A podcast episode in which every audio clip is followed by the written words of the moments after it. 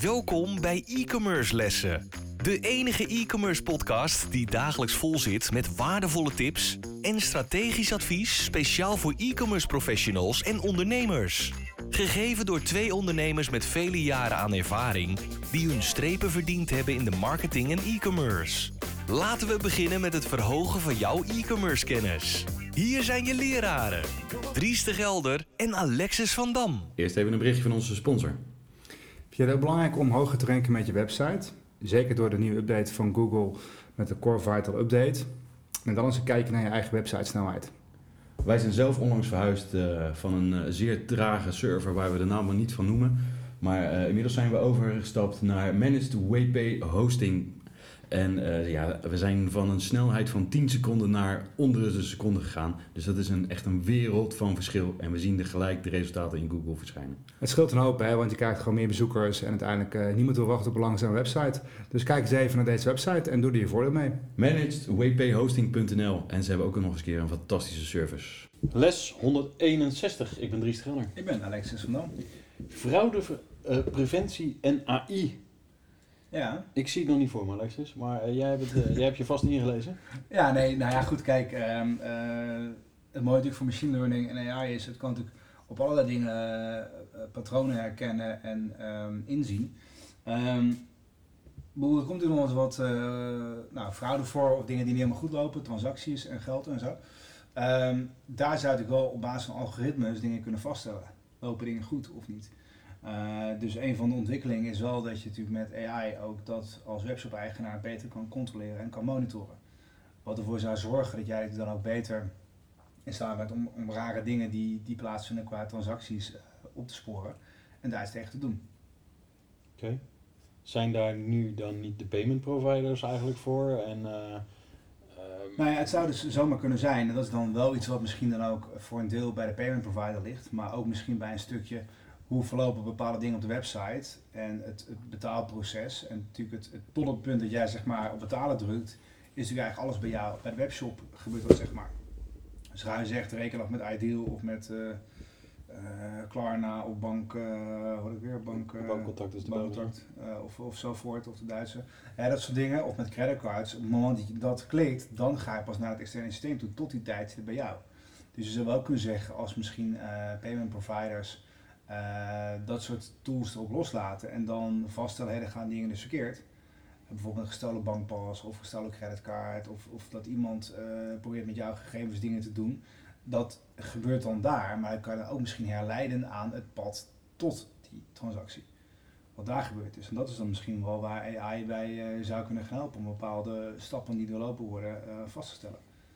Dat is, uh, dat is wel interessant, maar dan is het eigenlijk al, is het al gebeurd en dan kan je het achteraf misschien oplossen. Ja, of je zou kunnen zeggen, hey, dit leidt... Uh, dit, uh, dit zou kunnen leiden tot. Dit zou kunnen leiden tot. En dan, is natuurlijk ook voor mij wat nu in het nieuws een beetje een ding is geweest, dat transacties van boven 100 euro sowieso gemonitord worden.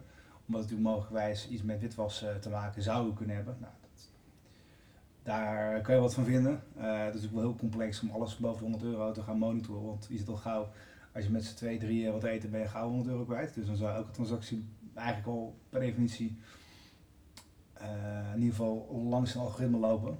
Um, maar ja, goed, feit is natuurlijk wel met alles wat er speelt in de wereld. Uh, uh, kan je hem ook op je e-mailbox zetten, zeg maar? Dat is een goede vraag, dat weet ik eigenlijk niet. Maar dan zou ik zeggen, weet je wel, dan ben je ook. ik, onlangs ben ik een beetje, zeg maar, belazerd via een mail. Uh, ik kreeg een mailtje van mijn leidinggevende. Uh, en die vroeg of ik uh, wat cadeaukaarten kon gaan kopen. Weet je. Hij had geen tijd, hij zat in een meeting. Dus ik ben gaan kijken hier beneden in het World Trade Center waar ik zit. We hebben de Appie to Go gelopen. Nou, dat was een cadeaukaarten. Ik loop weer terug omhoog. En mijn collega belt van, joh, de meeting begint, waar blijf je? En toen viel mijn kwartje pas, dus weet je. Ik ben gewoon belazerd. Maar het werd gewoon dus uit zijn naam werd er een mailtje gestuurd van kan je even cadeaukaart kopen. Dus ik heb hem even aan de lijn gehouden. En wat gebeurde dan? En zegt hij nee ja het, het, gaat allemaal goed en kan je dan dit doen en uh, uh, want ik heb het allemaal nodig voor klanten en uh, het moeten cadeaukaarten zijn en als je ze nou gekocht hebt moet je het even openkrassen en dan die codes allemaal doorgeven. Koop dan 10 kaarten van 100 euro. Ja ja. Ja. Nou ja, dat, dat, ik heb zo niet. Maar als je daar gewoon voor behoed kan worden, dat Ja. soort dingen, weet je wel, dan, dan zou ik zeggen, oké, ja, super tool, weet je wel. Nou, het is ook een beetje, ik merk het ook, ik ben hier zelf ook eh, al ettelijke malen gebeld door eh, een bepaalde partij. En die, die claimen gewoon dat ik ergens een account heb en ik heb het gecheckt, ik heb het niet. Het is gewoon het registreren van elkaar. Ik zeg van, je blijft me bellen, maar als je er doorgaat, dan ga ik echt eh, stappen nemen. En ze blijven gewoon stug hard terugbellen. En, dat is, en het grappige is ook daar, ze belden eerst vanuit een Nederlandse mobiel, toen vanuit een Deens eh, telefoon, toen vanuit het UK-nummer, elke keer anders. En ehm, ze zeggen ook nooit een naam als, als ze bellen. Ik zeg, nou, kom op, sorry, maar dat is gewoon niet, gaat nergens over. Ehm, maar het is interessant, want wat AI dus heel goed kan, is het leven makkelijk maken. Dat is ons leven makkelijk maken, maar ook het leven van de mensen die dus kwaad willen. En fraudepreventie in bredere zin, eh, het wordt ook wel heel makkelijk voor mensen die fraude willen plegen, om nu veel betere dingen te produceren die veel echter lijken. Want vroeger had ik nog wel die rare mailtjes die denken van, nou ja, dit is ook te obvious dat het niet goed is. Maar met AI, binnen een, binnen een minuut heb je een, goede mail geproduceerd. We kunnen ook die chatbot eh, activeren. Precies, dus het is wel een beetje gevecht nu. En dan wordt het wel belangrijker, ben jij zelf als mens nog in staat om eh, het goede van het minder goede te, te scheiden en nog goed door te hebben. Ja.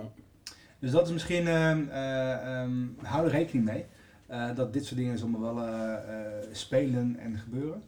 Ehm, dus ja, spannende tijden. Ik zie hem nog niet voor me, maar eh, misschien eh, als ik het toeltje in werk zie, of misschien echt daadwerkelijk weet wat het echt kan en waar die je mee kan helpen, dan denk ik dat, hem, eh, dat je hem zeker moet gaan inzetten. Tot de volgende. Tot de volgende. Wij waarderen het enorm dat je weer naar een e-commerce les hebt geluisterd. Ga naar e-commercelessen.com voor nog meer interessante content over deze les en schrijf je in voor onze nieuwsbrief voor nog meer succes. Vergeet absoluut geen review te schrijven en je te abonneren op onze lessen. Einde les. E-commerce studenten, jullie kunnen de klas verlaten en vergeet de volgende lessen niet voor nog meer geweldige e-commerce resultaten.